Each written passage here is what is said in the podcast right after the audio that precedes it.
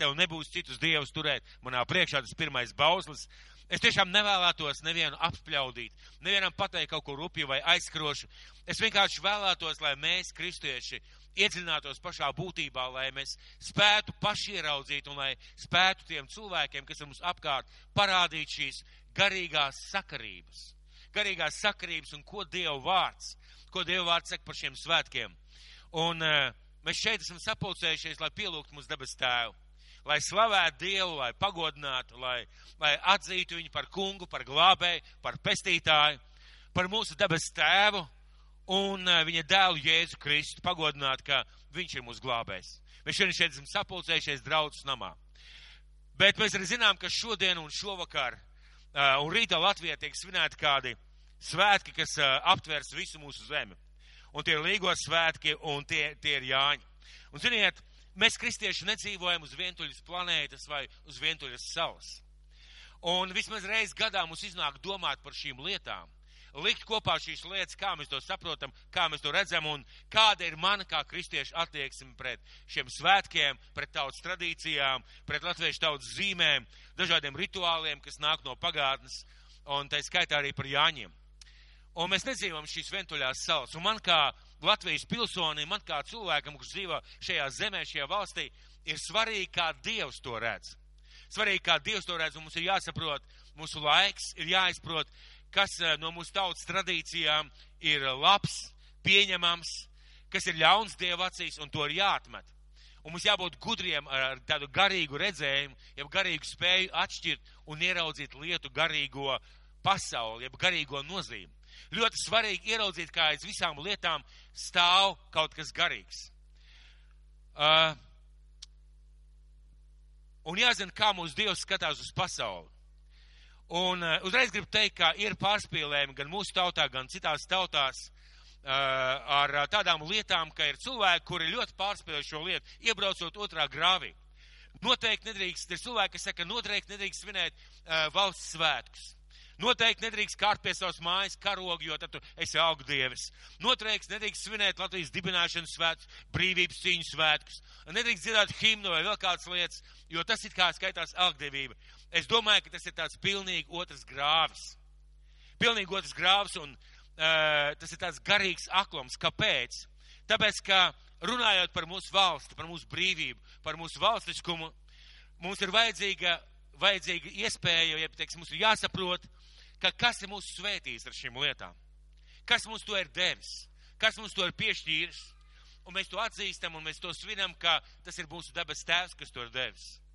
Pirmām kārtām Latvijas valsts, valstiskums, viss šīs brīvības cīņas un šis te dibināšanas notikumi un svētki, ko mēs svinam, tas ir pateicoties tam, ka dabas tēvs mums to visu ir devis. Un Dievs pats mācīja uh, caur Bībeli atcerēties lietas, likt tādus piemiņus, akmeņus mūsu dzīvē, Izraēla tautas dzīvē, ticības dzīvē, draudzes dzīvē, likt tādus piemiņus, akmeņus, lai atcerētos, ko Dievs ir darījis. Tas ir viņa paša vārdā. Atcerieties, pieminiet, ko tas kungs ir darījis, un ar šiem svētkiem mēs parasti to tā arī daram. Un treškā, trešām kārtām, ja mēs skatāmies uz Izraēlu tautu, un paldies Dievam par šo iespēju, man bija, man bija būt Izrēlā, un es ieraudzīju vienu lietu, viņi ļoti lepojās ar savu zemi. Viņi ļoti, ļoti lepojas ar savu tautiskumu, viņi ļoti lepojas ar tām lietām, ko viņi dara ar Izraēlu valsti kā tādu un ar savu piedrību šai nācijai. Un es personīgi domāju, ka tas ir tāds piemērs katrai tautai. Kā skatīties uz savu zemi, kā skatīties uz savu tautu, kā skatīties uz lietām, kas mūsu dzīvē notiek vai kurā valstī mēs dzīvojam. Un ir viena interesanta lieta, esmu dzirdējis tādu cilvēku sakām, ka latvieši ir šausmīgi pagāniski tauta. Nav taisnība. Ļoti daudzām tautām ir pagānismas tradīcijas, pagāniskas lietas, piemēram, vai kāds zina par masliņicu. Esat dzirdējuši, Krievu tautā masliņica tāda ir. Esat dzirdējuši, ja? Jūs zināt, ka tur sadedzina lēle, salmu lēle sadedzina, lai būtu svētība nākušam gadam? Nesat dzirdējuši, mēs vienkārši neesam interesējušies. Baltkrievijā, Ukraun, Ukrainā, dažādās citās tautās ir daudz dažādu pagānisku tradīciju, bet, uh, lai Dievs palīdz viņiem atgriezties, mēs šodien runāsim par mūsu tradīcijām, par mūsu uh, svētkiem, par šiem te jāņiem. Un, uh, ja mēs skatāmies tātad uz valsts svētkiem kā tādiem, ir jāsaprot, ka ir jāsaprot, ka ir labas lietas, un ir lietas, kas mums nav pieņemama. Un tāpēc mums ir vajadzīga garīga sapratne, ko kas nozīmē, kas kādu dievu pagodina, kas slavē mūsu dabas tēvu un viņa dēlu, un kas nostājas blakus vai pilnīgi pretīm. Un svarīgi ieraudzīt, ka Dievs māca to mums kristiešiem.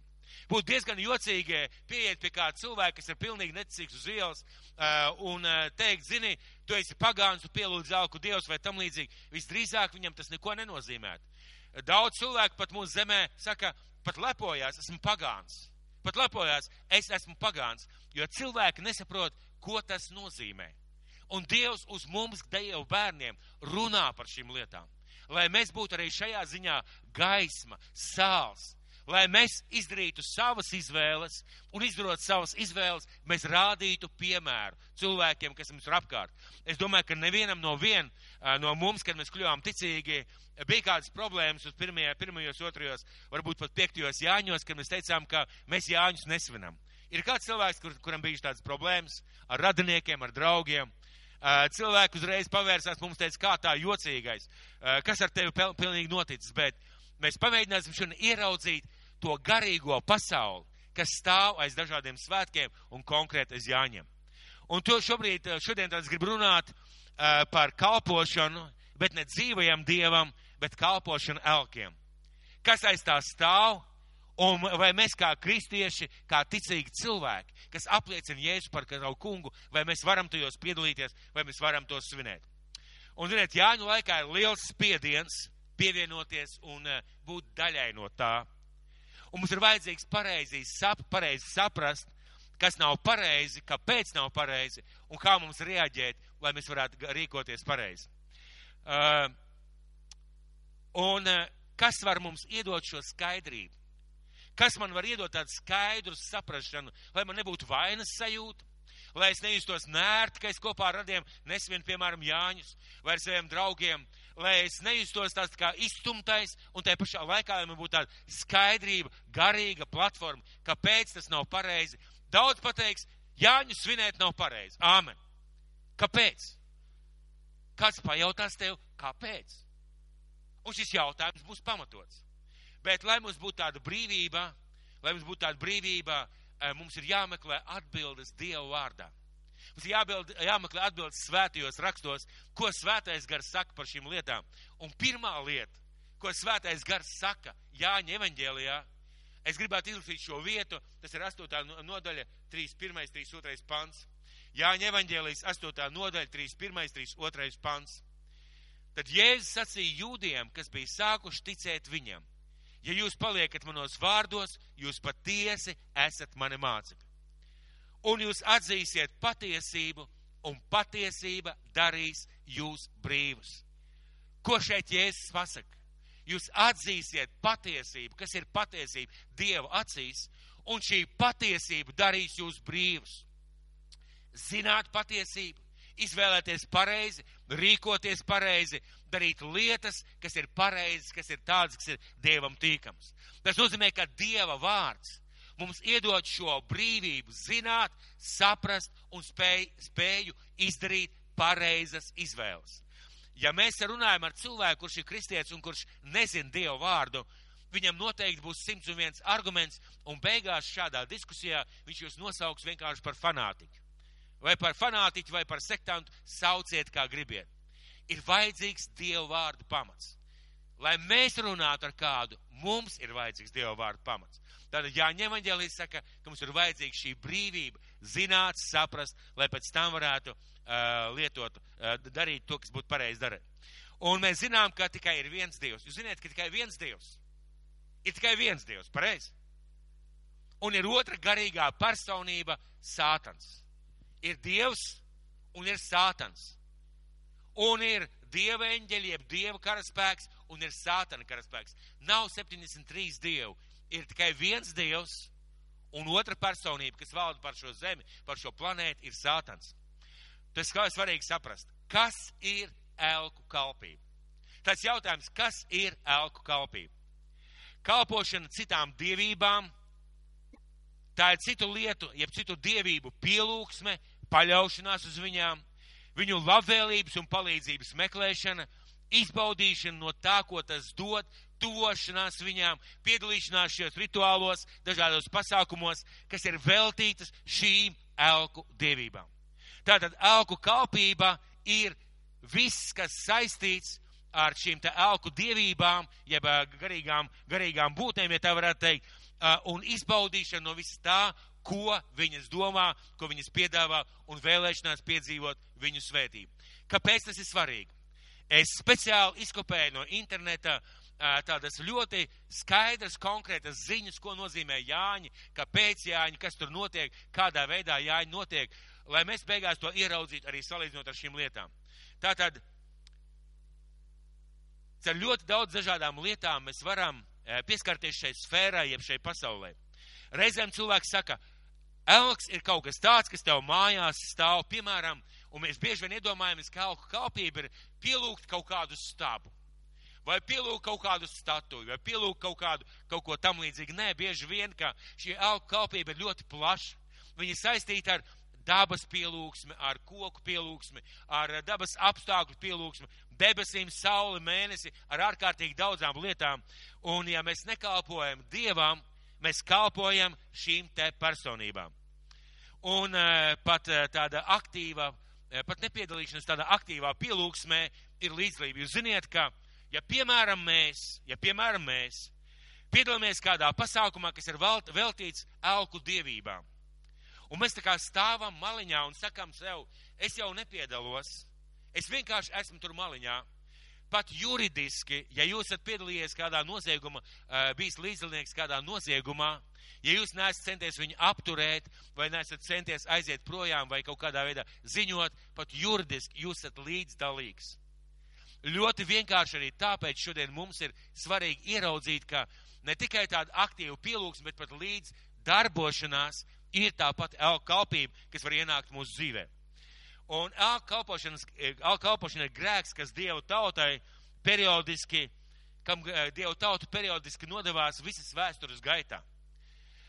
Alkalpība ir tāds grēks, ko viņi reižu reizēm piekopa, un mēs varam ieraudzīt, ka Dievs viņus, Dievs Bībelē tik ļoti nerunā par to, ka tāpēc, ka tu nozagi tavā tautā notiek tā, tāpēc, ka tu meloji tev notiek tā, Dievs ļoti lielu uzsvaru liek uz šīm elku lietām, šīm elku kalpošanām, kādēļ šīs lietas varbūt arī notiek cilvēku dzīvē. Un pirmā vieta, ja pirmā reize, kad uh, Dieva tauta, es gribētu tiešām minēt Dieva tautu, arī mēs esam Dieva tauta, nodevēs savu kalpošanai, ir otrā mūzes, trīs otrā, no, otrā mūzes grāmata, 32. nodaļa, pirmais līdz sastais pants. Jūs zināt, Mūzes uzkāpa kalnā, Mūzes uzkāpa kalnā, lai meklētu Dievu, lai saņemtu no Dieva pavēles, vārdu, atbildes, tad kā baušus Dievam. Un 3.2. nodaļa pirmā panta, no pirmā panta. Kad tauta redzēja, ka Mūzus kavējās nokāpt no kalna, tā sapulcējās pie Ārona un sacīja: Celies un dari mums kādu dievu, kas būtu mūsu priekšā, jo mēs nezinām, kas šim mūzum, kas lika mums iziet no Ēģiptes, noticis. Tad Ārons tiem atbildēja: Noplēsiet zelta auskarus, kas ir jūsu sievu, jūsu dēlu un jūsu meitu ausīs, un atnesiet man tos. Tad viss tauta noplēsa zelta auskarus, kas bija no to ausīs, un atnes tos Āronam. Viņš tos paņēma no viņu rokām, uzzīmēja metu ar zīmoli, no tiem izlēja teļa attēlu, tad tie teica: Tas ir tavs dievs, Izraēl, kas tev izvedis no Ēģiptes zemes.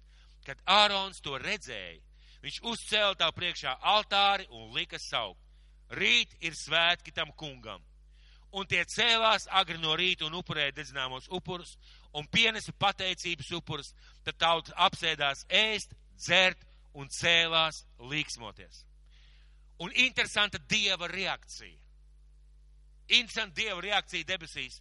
Un tas kungs debe, um, tur uz kalna sacīja mūzum, ej nokāp zemē tava tauta, kuru es izvedu no Ēģiptes zemes, dara lielu grēku. Kas šajā vietā notika? Viņi zināja, ka ir Dievs. Viņi zināja, viņi bija redzējuši, viņi bija piedzīvojuši, bet viņi izvēlējās nevis citu Dievu, viņi izvēlējās Dieva aizvietotāju. Personīga attiecība, personīgs atkarīgs no Dieva vietā. Viņi izvēlējās kādu statuju, sāka to pielūgt, un tas varēja būt jebkas. Respektīvi, šī tauta izveidoja Dieva vietnieku šeit uz zemes. Rezultāts tāds, ka Dievs ir ļoti dusmīgs un tik ļoti dusmīgs, ka Dievs pat saka, mozam paie malā, es šo tautu izlīdzināšu.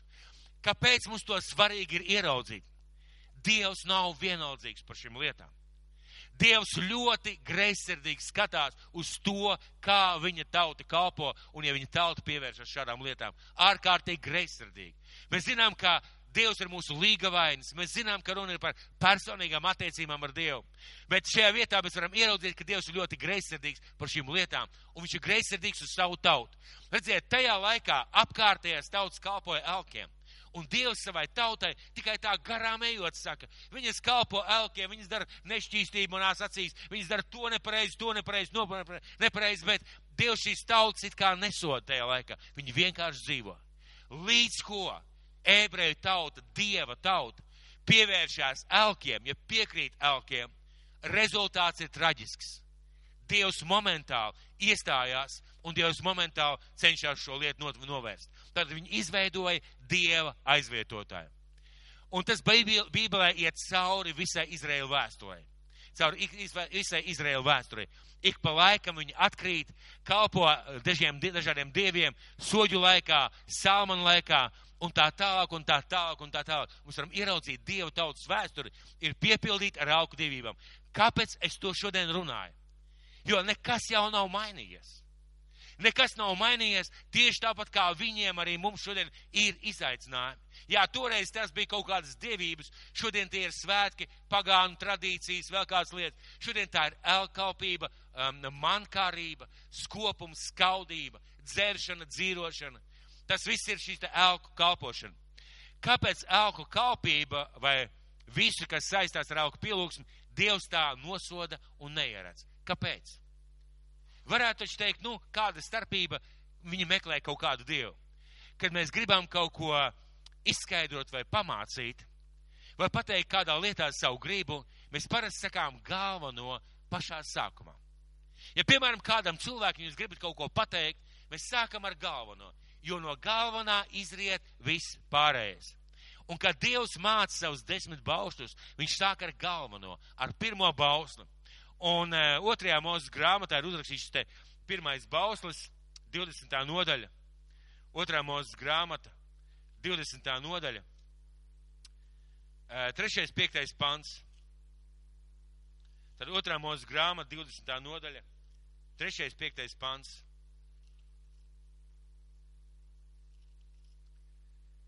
Un Dievs sacīja visus šos vārdus teikdams: Es esmu tas kungs, tavs Dievs, kas tev izvedis no Ēģiptes zemes, no klaušanām. Tev nebūs citus dievus turēt manā priekšā. Netais sev tēvus vai dievekļus, ne pēc tā, kas ir augšā debesīs, ne pēc tā, kas ir virs zemes, ne pēc tā, kas ir ūdenī zem zemes. Nezemojies to priekšā un nekalpo tiem, jo es tas kungs tavs dievs esmu taisnīgs dievs, kas tev grēkus piemin bērniem līdz trešiem un ceturtiem augumam, tiem, kas mani ienīst. Un dara žēlastību līdz tūkstošiem augumam tiem, kas mani mīl un tur manus baušus. Kad Dievs pasaka savus desmit baušus, viņš sāk ar pašu galveno. Un pats galvenais ir, pats galvenais ir netaisi, neturi, tev nebūs turēt citus dievus manā priekšā. Uh, svarīgi ieraudzīt, ka Dievs ir garīga personība. Un svarīgi ieraudzīt, ka ja nav citu dievu, ja cilvēks meklē vai pielūdz vai iesaistās citu dievu pielūgsmē, viņš nepie, nepielūdzot dievu, viņš pielūdz sātanu. To mums ir tā grūti iedomāties, bet tā ir tāda garīgā realitāte. Ja ir tikai divas garīgas personības, no kurām viss nāk, no dieva un no sātana, ja cilvēks nepielūdz dzīvo vienīgo patieso dievu, jautājums, ko viņš pielūdz? Lai vienalga kā tas izskatītos, vai kā to aprakstītu, vai kā par to runātu, tā ir tāda garīga realitāte. Un e, ir viena lieta, pirmā lieta, kāpēc, kāpēc Dievam tik ļoti tas riebjās vai nepatīk. Bībele skaidri saka, ka elks pats par sevi ir nekas. Tas nozīmē, ka kaut kāds uh, izlietas algs, būdas tēls, vienalga kaut kāds staps vai, vai kaut kāda uh, latviešu tautas zīme, tas pats par sevi nav nekas. Tā ir niecība. Kokgabals vai kāds veidojums vai kāda dievība, kas tiek glorificēta vai kaut kādā veidā apdziedāta. Tas ir līdzīgi kā putnu biedēkums. Ziniet, putnu biedēkli uh, uzliek, lai biedētu dārzā ko? Uh, zvirbuļus? Ja? vai, teiksim, strazdus tagad ķiršu laikā. Sapoš, izpoš, uzliek cepurīti galvā, uh, uztais atsteņas, kreklu uzvalk, veco rūtai no, uh, uztaisa rociņas, cimdiņas, dažādi izkrāšto. Patiesībā tas ir līdzīgi kā elks. Aiz viņu šie te lieta tā, ka viņam nav nekādas spējas, varēšanas vai kaut kā tam līdzīga. Un tas ir tā kā tāds nekas, un Samuēls pirmajā grāmatā, tātad pirmā Samuēla grāmata, es gribētu jums parādīt, pirmā Samuēla grāmata, 12. nodaļa, atvainojos, 12. nodaļa, 21. pants. Un neatkāpieties sekodam blēņu, blēņu dievībām, kas nec palīdz, nec arī izglāb, jo tie ir nieki. Un uzreiz pēc tam uh, Pāvils vēstulē korintiešiem 8. nodaļā saka tādus vārdus. Attiecībā uz elku upuru gaļas ēšanu mēs zinām, ka nav neviena elka pasaulē, un ka nav cita dieva kā viens vienīgs. Lai gan ir tā saucamie dievi un debesīs vai virs zemes virsū, jo dievu un kungu ir daudz. Tad Dievs saka, patiesībā tā ir niecība. Tas ir tukšums, tā ir niecība. Un, kad cilvēki pielūdz šīs lietas, viņi kalpo nekam. Viņi kalpo uh, dzīvā vieta, Dieva vietā, viņi kalpo iztērējot savu laiku un savu dzīvi. Otkārt, Eh, un šeit, principā, varētu kāds teikt, nu, ja tas nav nekas, ja šī tradīcija nav nekas, ja šis aug diev, dievs nav nekas, ja šis te uh, veids, kā mēs, kā mēs atceramies tautas pagātni, ir nekas, tad jau nav nekāda problēma. Tad jau mēs varam vienkārši mierīgi svinēt, piedalīties, dzīvot, dziedāt, bet Bībele runā tālāk. Otkārt, Bībele skaidri saka, ka aiz elkiem stāv dēmoni garīgas būtnes, kas, kuras kontrolē sātans. Aiz putnu piedēkļa, ja tā varētu teikt, ir paslēpušies dēmoni, kas pirmkārt ir pacēluši šo elku kalpošanu tādā veidā, otrām kārtām viņi ir noslēpušies un viņi it kā uh, valda par šīm lietām, kuras mēs paši izvēlamies. Un 5. mūzes grāmatā, 5. mūzes grāmatā, 32. nodaļā, 15. 17. pants, 32. nodaļa 15. 17. pants. Kad nu Ješurūns aptaukojās, tad viņš niķojās. Tu paliki trēkns, tūkls un izlaidīgs, tad viņš atstāja Dievu, kas bija viņu radījis, un nicināja savus pestīšanas klinti. Tie viņu kaitināja ar svešiem dieviem, ar negantībām, tie viņu sarūktināja. Tie upurēja ļauniem gariem, bet ne dievam, dieviem, kas tiem agrāk bija nepazīstami, ko jūs tēvi nav bijušies. Šajā vietā, ko Mozus saka, šajā vietā, ko Mozus saka, viņi upurēja citiem dieviem. Nu un tad Mozus saka, viņi neupurēja citiem dieviem, viņi domā, ka viņi upurēja citiem dieviem, viņi upurēja ļauniem gariem. Viņi upurēja ļauniem gariem.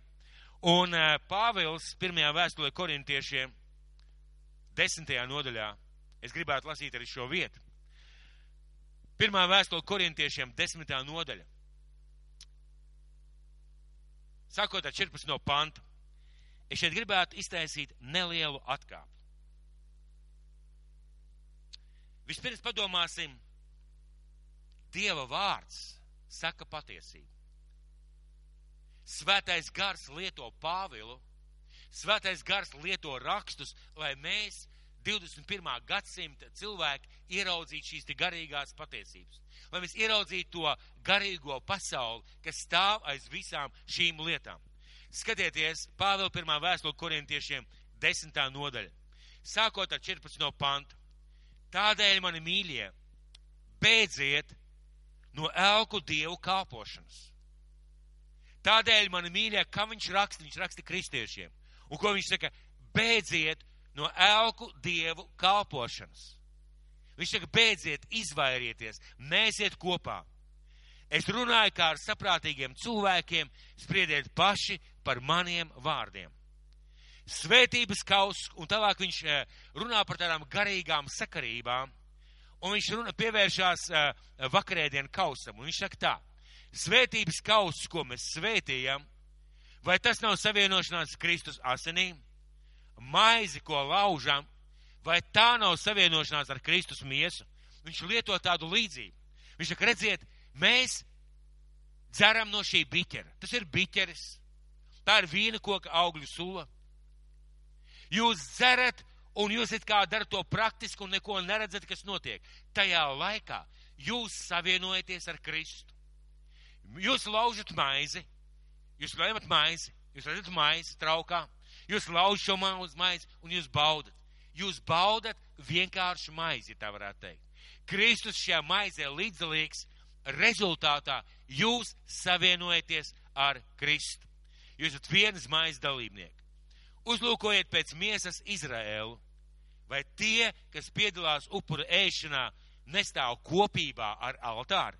Un tālāk viņš turpina, viņš saka tā, skatieties, Izraels, kurš ēd no šiem te, ēd no šiem te upuriem, kas tiek upurēti, piedalās upura ēšanā, viņi stāv kopībā ar altāru. Ja viņi bauda no šī te dzīvnieka gaļas, bet caur šo gaļu viņi savienojās ar altāru, ar Dievu, kurš tiek pielūgt šajā vietā. Un tālāk 19. pantā. Bet ko es saku? Vai ka elpu upuris ir kas, jeb ka elks ir kas? Viņš ir kā nonicina šo elku upuri un nonicina šo elku. Un 20. pants, bet ko tie upurē? Tie upurē ļauniem gariem un ne dievam. Bet ko tie upurē ļauniem gariem un ne dievam? Un visas šīs lietas kas saistās ar šīm tradīcijām, kas saistās ar citiem dievībām un dieviem un dievu, dievu pagodināšanu. Tas nav upuris kaut kam. Tas ir upuris ļauniem gariem. Mums grūti iedomāties, ja mēs, piemēram, šodien uz ielas apstādinātu kādu, kas brauc uz, uz Jāņiem, izrotājis savu mašīnu ar ozolu ozo lapām, un pajautātu, tu brauc uz raganu sajietu, vai tu brauc pielūgt vēlnu? Viņš teikt, nu ko tu beidz? Nu kādu vēlnu? Es pat negribētu tūtam būt. Ja mēs, mēs necīgiem cilvēkiem pajautātu, un bieži vien, kad tiek runa par šādām kategoriskām, jeb tām galējām lietām, cilvēks saka, nē, nē, nē, es to negribētu. Es to nevēlētos. Bet, ja mēs runājam par šo te pagānisko dievu pielūgšanu, tas ir tieši tas pats, tikai skaisti nomaskēts, skaisti noslēpts, skaisti iesaiņots, lai cilvēki to apēst. Un uh, Pāvils ļoti skaidri saka, ko tie upurē, tie upurē ļauniem gariem un ne dievam. Bet es negribu, un šeit svētais gars runāts ar Pāvilu, Dievs pats kā runāts ar Pāvilu, ka jums būtu kopība ar ļauniem gariem. Bet es negribu, Dievs negrib, ka jums būtu kopība ar ļauniem gariem. Un tālāk 21. pantā viņš saka, jūs nevarat dzert tā kunga kausu un ļauno garu kausu. Mēs nevaram vienlaicīgi dzert no tā kunga kausa, būt kungam pie piemiņas mīlestības dalībnieki, būt dieva namā, būt dieva tauta un ļauno garu kausu. Būt ļauno garu tauta, ļauno garu kalpu, ļauno garu pielūdzēji. Jūs nevarat dzert tā kunga kausu un ļauno garu kausu.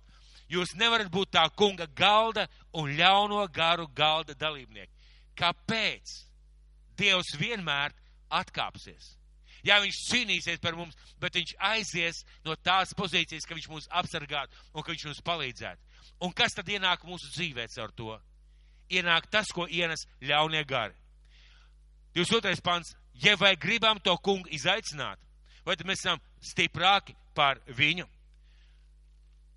Un treškārt, Dievs ir svēts. Dievs saka pats par sevi svēts, un viņš teica savai tautai, esiet svēti, jo esmu svēts. Kā jūs to iedomājaties? Svēts. Mēs cilvēki domājam, ka mēs tā kā, nu, varam, nu, jā, mēs esam svēti, bet mums gadās kādas lietas izdarīt nepareizi, vai kaut kas mūsu dzīvē var notikt nepareizi. Bet ko Dievs šī vietā saka? Es esmu atdalīts no visām šīm lietām. Es esmu atdalīts no visa tā, kas ir ļauns, kas ir nepareizs, kas ir netaisns, kas ir no ļauno gara pasaules. Esmu atdalīts. kā diena no nakts, es esmu atdalīts.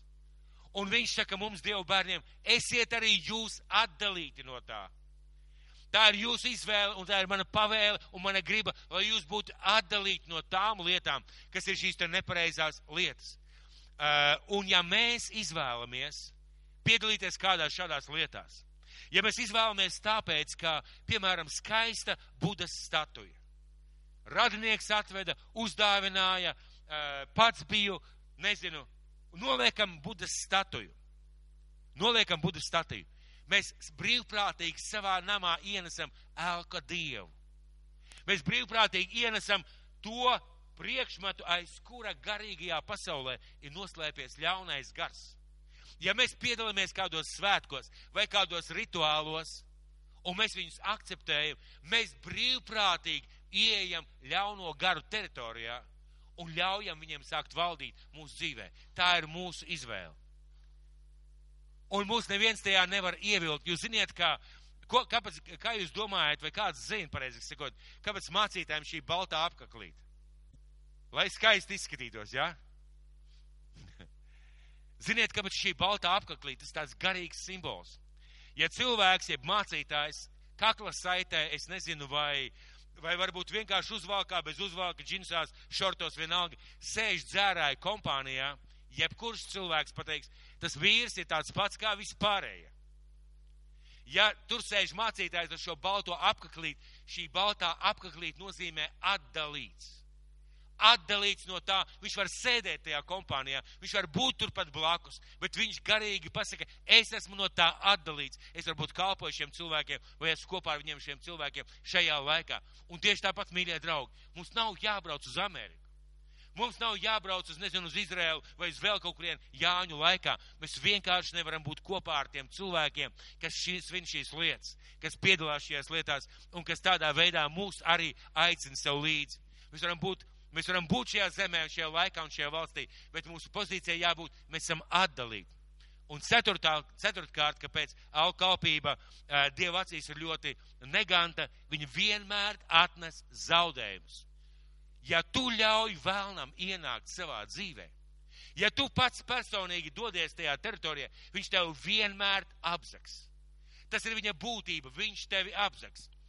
Es nezinu, vai jūs dzirdējāt vai nē, šajā reizē vakar, aizvakar ziņās, tika runāts par šiem jāņem, tika runāts par to, ka tātad balvējies, bet nebrauc un tam līdzīgi, un gāja runa par to, ka nebrauciet dzērumā, un statistika.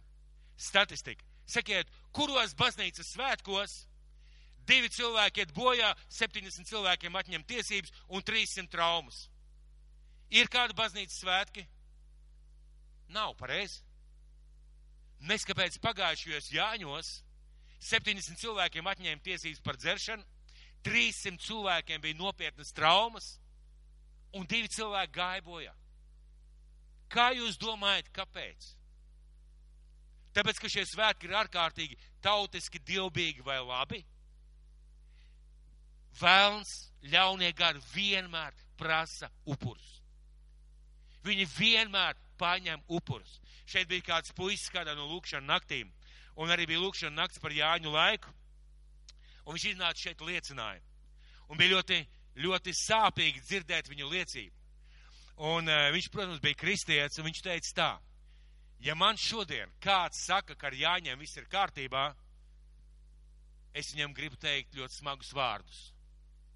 Jo mans brālis Jāņos dzērumā noslīka. Un man būtu jāsaka, ka ar Jāņiem viss ir kārtībā, Un cilvēki teiks, nu jā, bet noslēgts taču citās reizēs.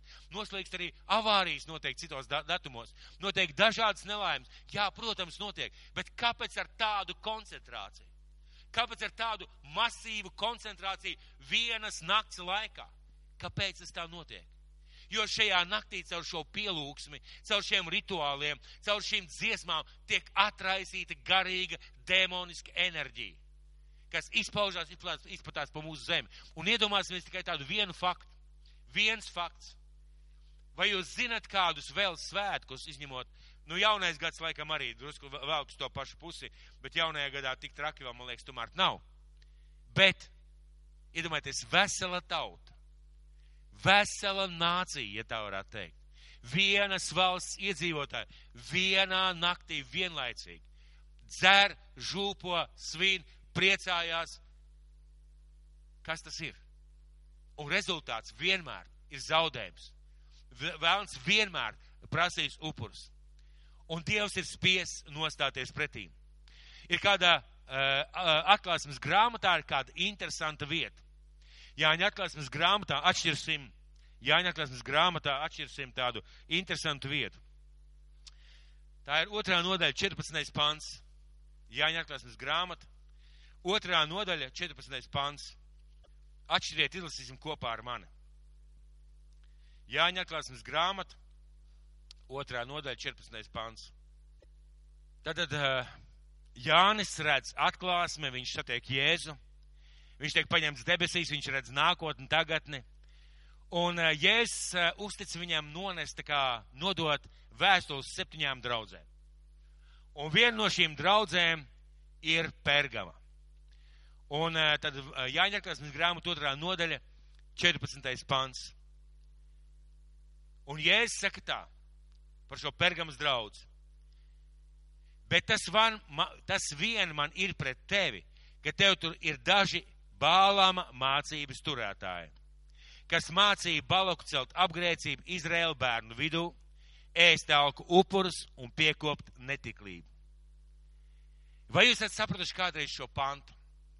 Ja mēs lasītu, es mēģināšu izstāstīt, ja mēs lasītu Izraēlu vēsturi, mēs ieraudzītu, ka Izraels kā lauva dodas uz apsolīto zemi.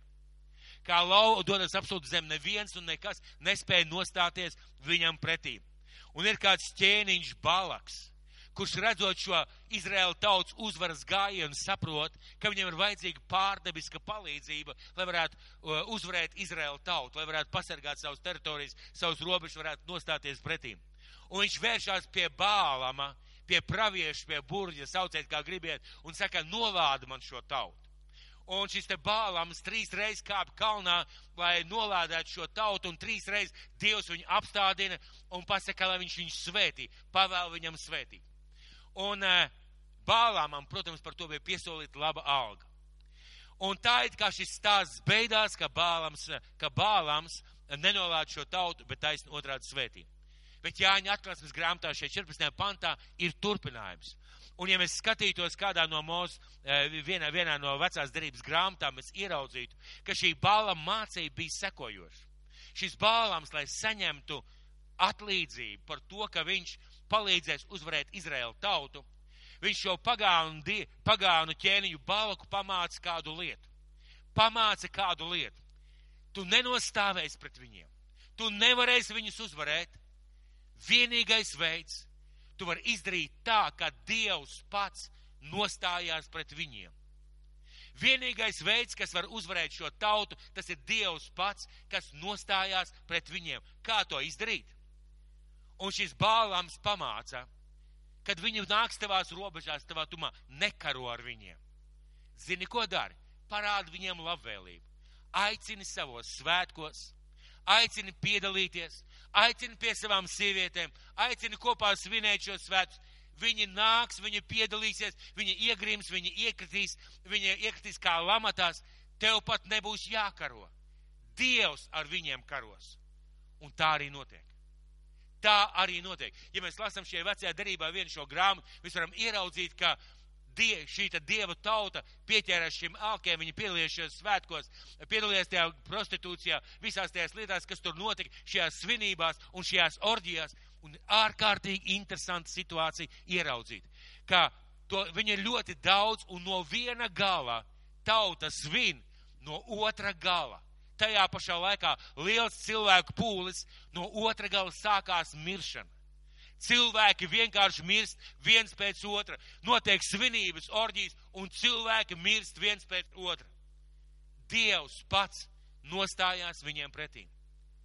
Līdz tam mirklim, kamēr viens no, no, no, no Arona mazdāliem pārtrauc šo te alku, alku kalpību. Un tur tālāk notiek dažādas interesantas lietas. Un šī vieta, Jāņa Akrāsmas runā, vietā runā par to, bet tas man ir pret tevi, ka tev tur ir daži bālama mācības turētāji, kas mācīja balaku celt apgrēcību Izraēla bērnu vidū, ēst augu upurs un piekot netiklību. Un šodien, mīļie draugi, notiek tieši tas pats. notiek tieši tas pats.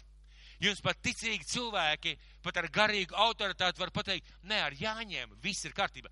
Iedomāsimies situāciju, kad visu konfesiju vadītāji, priesteri, kalpotāji saka savām draudzēm, mīļie brāļi, māsas, tas ir elku dievu svētki. Tie ir elku dievības svētki. Lūdzu, nepiedalāmies, lūdzu, atturamies, lūdzu, nostājamies pret, piedodam šiem cilvēkiem, bet atturamies mēs kā dievu, dievu tautu. Tā vietā ļoti daudz saka, viss ir kārtībā. Tā ir tikai tradīcija. Tas ir tikai, tikai veids, tā ir tikai atcer. Tā ir mūsu tautas pagātne. Tur nav nekā problēma. Tev jau nav jādzer alus vai šņabis. Tu vari vienkārši ar radiem pasēdēt pie tā ugunskura. Es vēlāk izlasīšu, ko nozīmē ugunskurs. Tev nav jādzied šīs līgo dziesmas. Tu vienkārši pašūpojies līdz tā ritmā. Tev jau nav jāpieņem kaut kādu okultu rituālu. Tu vienkārši vari pasēdēt kopā ar tiem vainagiem, tām Jāņu zālēm, tādā labā draugu un radu sajietā. Tev tas nav viss jādara. Tu vienkārši tur pasēdi. Tieši tas pats, kas šeit notiek. Un tieši tāpēc, tieši tāpēc daudz kristieši tieši Jāņos piedzīvo uzbrukums. Viņi aizbrauc, viņi aiziet, viņi dodas kopā ar saviem radiem draugiem un paziņām ar tādu apņemšanos, es jau to ne traki, traki, es jau lūkšana naktī teicu, bija kāda lūkšana nakts, kurā mēs bijām kopā uh, Kristīgajā radio, un uh, bija tāda interesanta situācija. Uh, tas brālis, ar ko mēs bijām kopā, viņš bija braucot uz šo te lūkšanu nakti, kaut kur stacijā nopircis kādu žurnālu, mēs runājam par šīm lietām, mēs lūdzām Dievu, un uh, kaut kad pa starpu, kad uh, skan mūzika, viņš izlauk šo žurnālu, saka, šeit Jāni, paskaties. Un jūs ziniet, es biju vienkārši šokā. Un man bija jautājums, ko es šeit daru. Uh, uz vāka viens no garīgiem vadītājiem ar vainagu galvā. Iekšā kādas citas konfesijas priestera raksts, ka ar Jāņiem viss kārtībā. Arī viņš Jāņos iedzirot aliņu un esot kopā ar saviem tuviem radiniekiem. Diezgan briesmīgi, pareizi. Tad aiz tā visa slēpjās ļaunie gari. Kāpēc alku kalpība ir bijusi un ir tik pievilcīga? Es gribētu pateikt trīs lietas. Redziet, kāpēc viņa ir tik pievilcīga? Kāpēc latviešu tautā par katru varīti vajag svinēt Jāņus? Un kāpēc tik ļoti velku šiem Jāņiem arī kriticīgus cilvēkus? Uh, kāpēc viņi bija tik pievilcīgi pagātnē un arī šodien? Pirmām kārtām, ja mēs skatāmies uz šiem te uh, ebreju tautu, viņi dzīvoja tautu starpā, kas uzskatīja, ka pielūgt daudzus dievus, ir daudz efektīvāk un jo vairāk, jo labāk. Šis tauts tā uzskatīja. Un šai e, e, Izraēla tautai bija liels spiediens paklausīt viņiem un pieņemt viņu dzīves veidu. Vai otrs variants - paklausīt Dievu baušļiem. Dievs teica, esiet atdalīti, esiet svēti, bet šeit ir daudzie dievi, dažādi svētki, dažāda pielūgsme, tāda daudzveidība, ja tā varētu teikt. Un šodien, mīļie draugi, arī mums ir liels izaicinājums. Mums ir tā, tieši tāds pats, kā viņiem paklausīt Dievam dažādās lietās, lai pieņemt šos dažādos alku Dievu aicinājumus un piedāvājumus. Otkārt, citi, citi dievi, jeb dievības, nepieprasīt tādu paklausību kā Izraēla Dievs. Augstus morālus standartus. Vienīgi mūsu Dievs pieprasa augstus morālu standartus. Piemēram, ja jūs, ja jūs, teiksim, domājam, ja mēs domājam par Jāņu dievībām, Kur no Jāņa dievībām saka, nožēlojiet grēkus? Kur no Jāņa dievībām saka, esiet atturīgi? Kura no latviešu dievībām es saka, esiet, esiet ģimeniski cilvēki? Var par ģimeni varbūt vēl varētu runāt. Kura no šīm divībām runā par garīgo pasauli tādā veidā, ka jūs nedrīkstat pieskarties šai garīgai pasaulē? Neviena.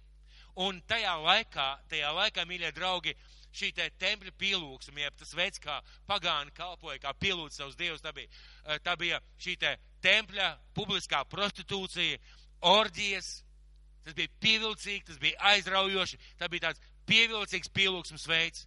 Un šodien, mīļie draugi, kalpošanā ir tieši tāpat. Un cilvēks saka, var jau visādi, un ziniet, kas ir interesanti, piemēram, Jāņiem ir interesanti, ir aizraujoši, drusku kaut kas no mistikas, no noslēpumainības, tāda radu sabraukšana kopā, alus iedzeršana, tāda uzdzīve, visi jautri, visi priecīgi, papardas zieds, izlaidība, kaut kas mistisks, un cilvēku tas velk. Cilvēku tas velk.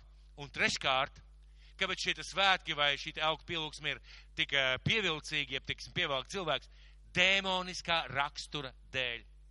Šie svētki ir dēmoniski, nepārspīlējot. Es jau lasīju to vietu, ka aiz tiem stāv ļaunie gari.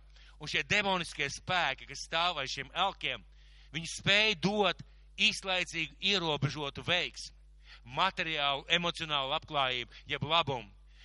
Un, ziniet, piemēram, auglības dievs atbildēja par auglību, tev bija jālūdz, lai auglības dievs tev labvēlīgs. Dabas dievu par ražu, par laika apstākļiem, arī mūsdienās tas ir latviešiem ļoti raksturīgs. Kara dievu veiksmi karā, uzvara karā. Un šīs litās, lietas likās pievilcīgas kā magnēts Izrēlam un šodien arī kristiešiem. Kā magnēts. Burtiski kā magnēts. Un, un daudz cilvēku uz to arī iekrīt. Bet īstenībā, ja mēs esam kopā, tas ir kompromiss. Ja mēs esam šajos svētkos kopā, tas ir kompromiss. Kā Dievs teica izturēties? Kā Dievs teica izturēties pret šīm augu divībām un šīm visām lietām? Mums ir svarīgi ieraudzīt, kā viņš teica, ko viņš teica, kāpēc viņš teica. Piektā mūzes grāmata, septītā nodaļa, piektā mūzes grāmata,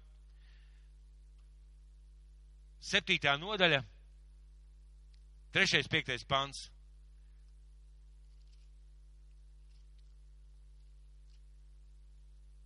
Un sāksim lasīt no pirmā panta, lai mums būtu labāk saprast. Dievs runā par tautu, par ieiešanu šajā pagānu zemē, jo līdz šim viņi vienkārši dodas ceļā virzienā, viņi tā īsti nesastopās, īsti nepiedzīvo sev blakus šīs augu dievības. Un sākot no pirmā panta, septītajā nodaļā. Kad tas kungs tavs dievs tev būs ievedis tenī zemē, ko te iemantot, un izdenis daudz tauts no turienes, hetiešus, girgaziešus, amoriešus, kanāniešus, ferisiešus, hiviešus, jebusiešus, septiņas tautas, kas ir lielākas un stiprākas par tevi. Un, kad tas kungs tavs dievs tos būs nodevis tavā varā, kā tu tos sakauji, tad tev būs pie tām izpildīt savu īpašo solījumu, ka tev nebūs ar tām slēgt nekādu darību, nedz arī tām žēlastību parādīt. Tev arī nebūs saradoties, nebū, tev arī nebūs ar tām saradoties, savas meitas tev nebūs dot viņu dēliem, un tev nebūs viņa meitas ņemt saviem dēliem jo tās novērsīs tavus dēlus no manis, ka tie kalpos svešiem dieviem, un tā kunga bardzība varētu pret jums iedegties un jūs piepaši iznīcināt. Bet jums tā ar viņiem jārīkojas. Izpostiet viņu altārus, viņu elku zīmes, nolauziet, nocērciet viņu elku stabus, bet viņu elku tēvus sadedziniet ugunīs.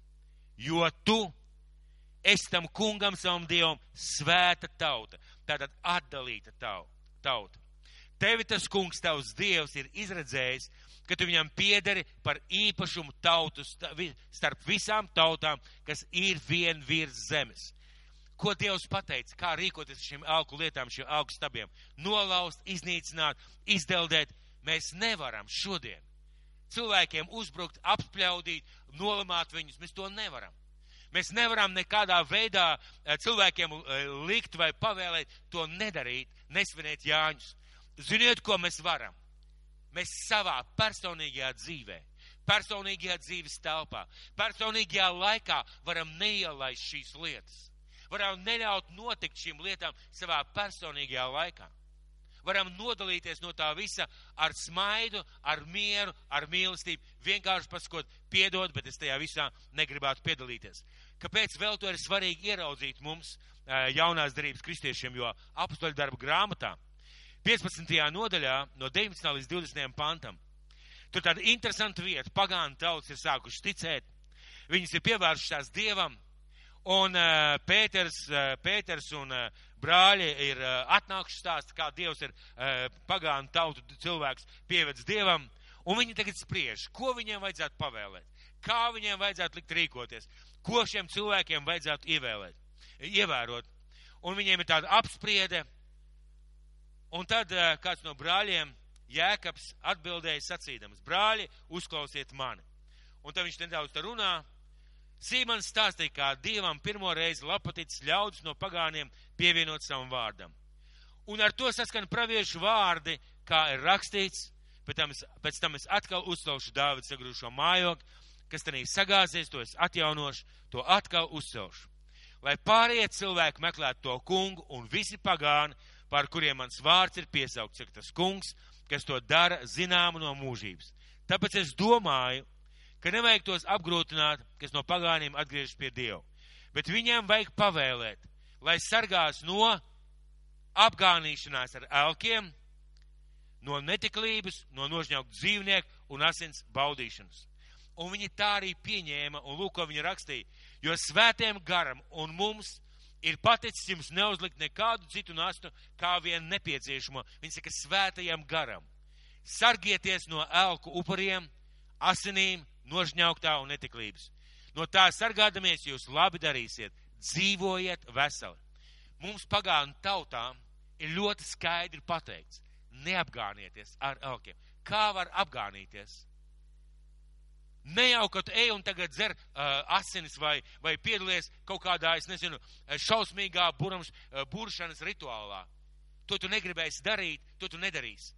Apgānīties nozīmē piedalīties, nosmērēties, sakiet man. Es gribētu minēt tādu piemēru. Vai es esmu redzējis skursteņslauķus? Ir kāds redzējis skursteņslauķi? Kristiāna, es redzēju skursteņslauķu uz ielas. Nē, žēl. Kā jūs domājat, kāpēc viņam ir melnas drēbes? Lai neviens neredzētu, ka viņš ir nosmērējies pareizi.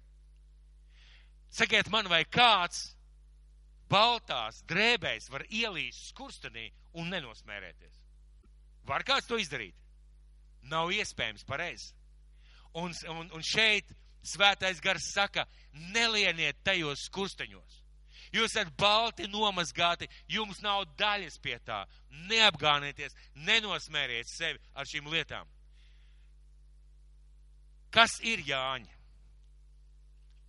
Un es tagad gribētu palasīt kādu, kādu informāciju, ko es izlasīju no interneta.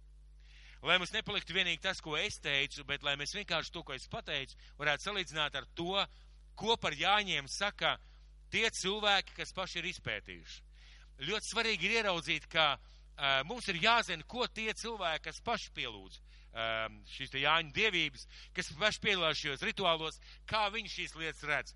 Un viņi ir visvairāk izpētījuši to, kas, kas notiek, kāda nozīme, kāda jēga. Un tagad pamēģināsim salikt šo bildi kopā. Dieva vārdu un to, ko par šīm te svētkiem, ko sauc par Jāņiem, saka paši Jāņu svinētāji. Jāņu svinēšanas iemesls Jāņu pamatā ir zemkopju tautu zemes auglības kults, saules kults un falla kults. Līgošana Jāņu dienā saistīta ar auglības veicināšanu un nelaimju novēršanu.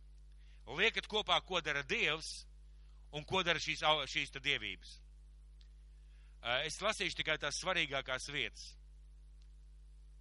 Jāņu svinēšanas laiks Vasaras auglīžos, kad visgarākie dienai sako visīsākā nakts, mūsu tautas vien Jāņus. Tie ir vislatviskākie svētki, kurus, mēdz, iete, kurus maz ietekmējuši svešas vēsmas. Senlatvijā Jāņi svinēti kopš aizvēsturiskiem laikiem. Krietni vēl pirms pie mums ieradās kultūras nesēji krustneši ar viltus mācībām. Tātad kristīgā ticība tiek saukt par viltus mācību. Īsti svinamais laiks ir 21. un 22. jūnijas, kā nu katru gadu astronomis iekrīt saulgriežu kulminācijas punkts. Uh, kas ir Jānis? Kāpēc, uh, kāpēc visi piemin Jāni? Ska, skanīgs vārds, pareizi? Man patīk, ja? Vārds Jānis man patīk. Bet kas ir Jānis? Pēc seniem nostāstiem par Jāņiem un Jāņa dēliem drīkstēja saukties tikai svēti vīri kuri senču ticību uzturējuši tautā, senču ticību. Mūsu Jānis ir viena no galvenajām auglības dievībām. Mūsu Jānis ir viena no galvenajām auglības dievībām.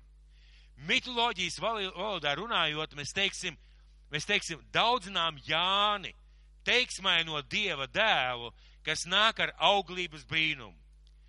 Zinātnes valodā var teikt, mēs daudzinām auglības spēka spilgtākās izpausmes brīdi, kad saule visaugstāk pie debesīm un priecājamies par šo auglības rosību dabā un sevi.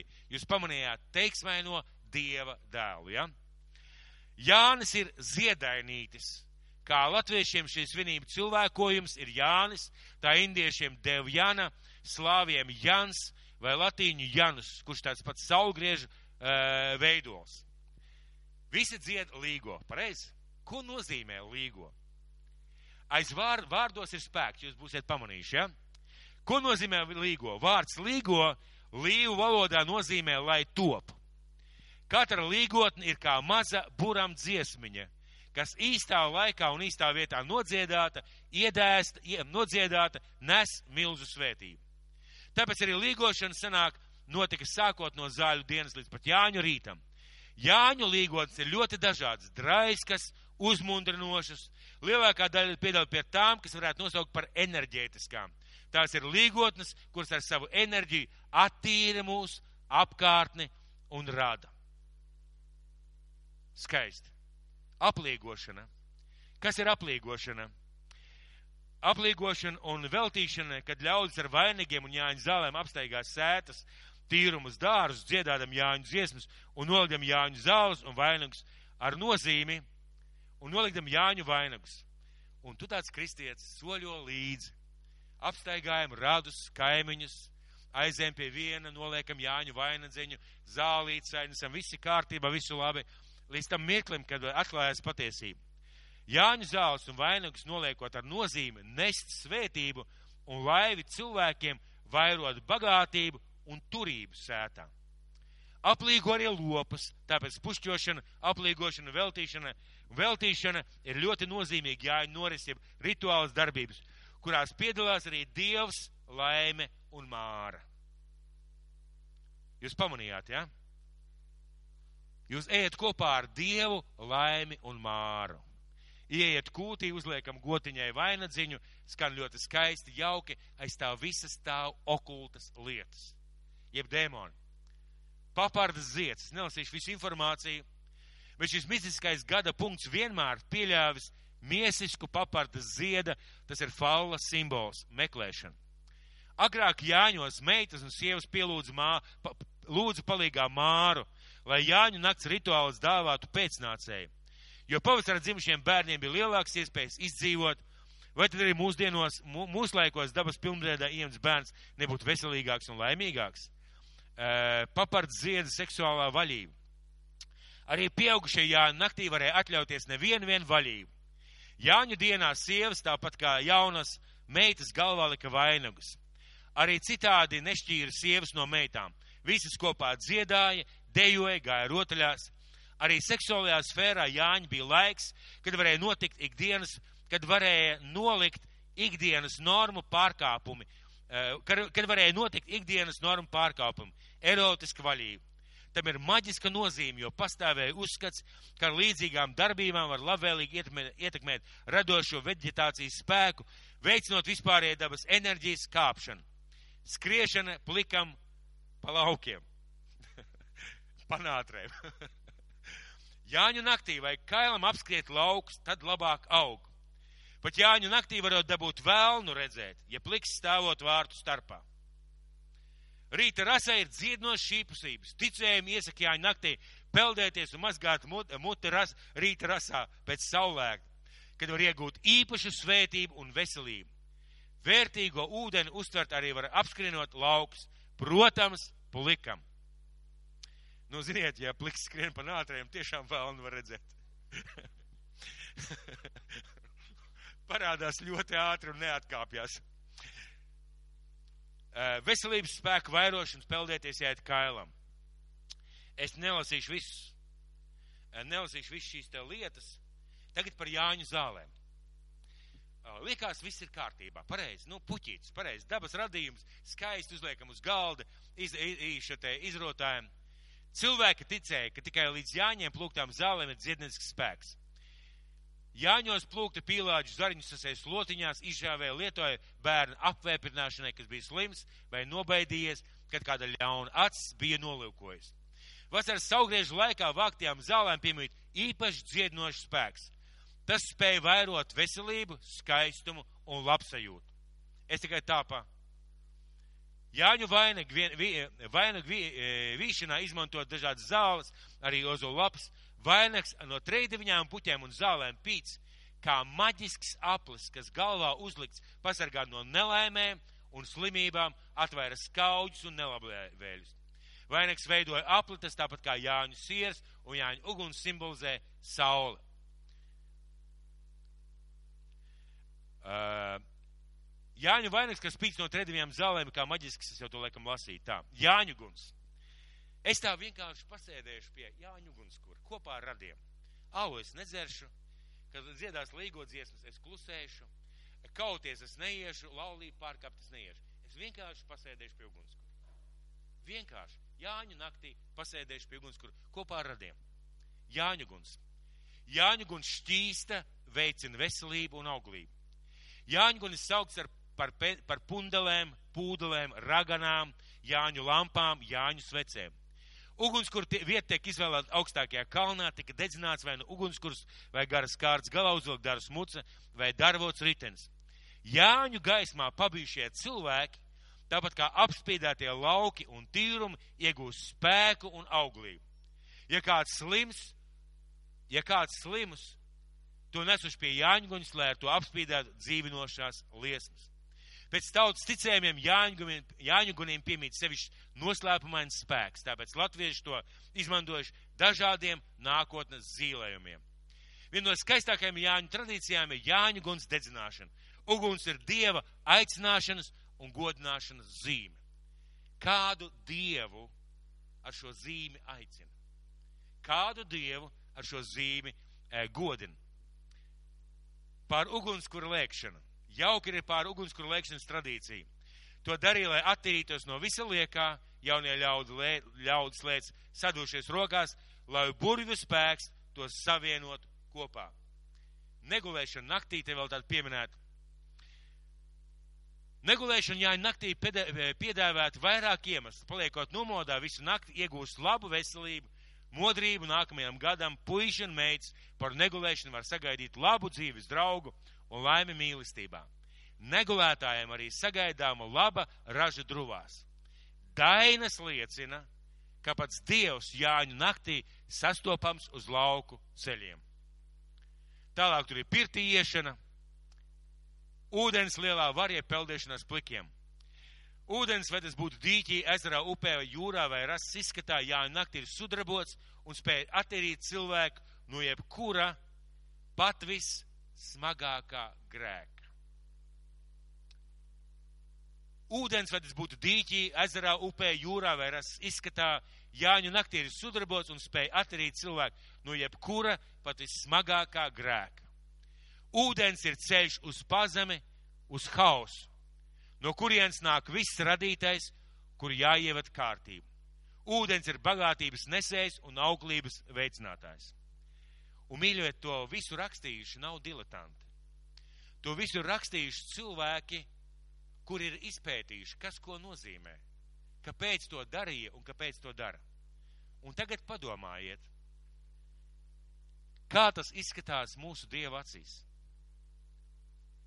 Tas ir okultisms, tā ir maģija, tās ir buršanās, tas ir ļauno garu piesaukšana vistīrākajā veidā. Un, protams, ka tas viss nāk no mūsu tautas pagātnes. Protams. Bet Bībele saka, ka Dievs atstādams neievērots pagājušos laikus, šodien visus cilvēkus maicina atgriezties no grēkiem caur kādu vīru, caur ko viņš pasauli tiesās. Mums nav jātiesā pagātnē latvieši. Mums nav jāšausminās par to, kāda latvieši bija pagātnē. Visas tautas tādas bija bet Kristus mūs ir aicinājis atgriezties pie sevis. Un ja man šodien kāds saka, viss ir kārtībā, ar jāņem nav problēma, tad man gribās teikt, ir problēma. Jo aiz visām šīm lietām reāli stāv demoniski spēki. Kāpēc mums tas būtu jāzina? Mums, kristiešiem. Mēs šodien iziesim no šejienes ārā. Dieva vārds ir praktisks, mīļie. Dieva vārds ir praktiski jālieto. Dieva vārds ir praktiski jāuztver. Dieva pra, vārds ir praktiski jāsaprot. Tas nozīmē, ka Dieva vārds saka, ka aiz visām šīm lietām stāv ļaunie gari. Un mums, kristiešiem, ir jābūt gaismai un sālim. Lai Dievs mūs šajā laikā sargā, svētī un palīdz. Un, eh, kā jau es teicu iepriekš, Mums nevajag nevienu apspļaudīt. Mums nevajag nevienu nonicināt. Mums vienkārši pašiem priekš sevis vajag ieraudzīt šo garīgo pasauli. Pašiem priekš sevis vajag izdarīt izvēli, un ar savu izvēli mēs arī rādam piemēru. Un lai debes tēvs mūs sargā. Mēs šodien varējām runāt par dažādām lietām. Bet, laikam, ir tikai normāli un tikai loģiski, ka mēs runājam par šīm lietām. Pareizi. Es ļoti sen nebiju par to runājis. Es domāju, ka mums draudzē ļoti daudz zina, bet tagad ir daudz jaunu cilvēku. Un mums ir jāizvēlās pareizas izvēles un jāzina, par ko mēs runājam. Un tieši tāpēc, mīļie draugi, šovakar, kad jums ir iespēja, lūdziet Dievu par Latviju. Lūdziet Dievu par latviešu tautu. Lūdziet Dievu par tiem kristiešiem, kuri piedalās visā tajā. Lūdziet Dievu par to, lai Dievs ir vēl joprojām žēlīgs. Jo, diemžēl, tas notiek, un tas ir augošā secībā, mīļie draugi. Tas ir augoši, tas nav tā kā palicis pagātnē. Tas viss pamazām aug, attīstās un veidojās, kļūst arvien populārāks un populārāks. Lai Dievs mums ir žēlīgs. Un mēs Dieva tauta esam ielikti kā šie cilvēki, kas ir aicināti iestāties plaisā. Kā mēs varam šajā naktī, piemēram, iestāties plaisā? Lūdzot Dievu par Latviju. Lūdzot Dievu par Latviju. Un kāpēc būtu svarīgi vispār visā tajā nepiedalīties? Kāpēc personīgi es, personīgi es, es nekur šajā naktī ugunskura, kaut gan es nepielūgtu nekādu Jāni, es nesapu šajā naktī desiņas, es netaisu šajā naktī, šajā vakarā nekādu ciemošanos, lai nevienam nebūtu piedauzība, lai es ne mazākā mērā nebūtu iegājis tajā straumē, kas šajā vakarā notiks ne mazākā mērā. Mums nevajag aizslēgt durvis un uh, norobežoties, ieslēgt sevi cietumā, bet ārā darīt arī noteikti nav ko. Lai Dievs mums palīdz tajā visā.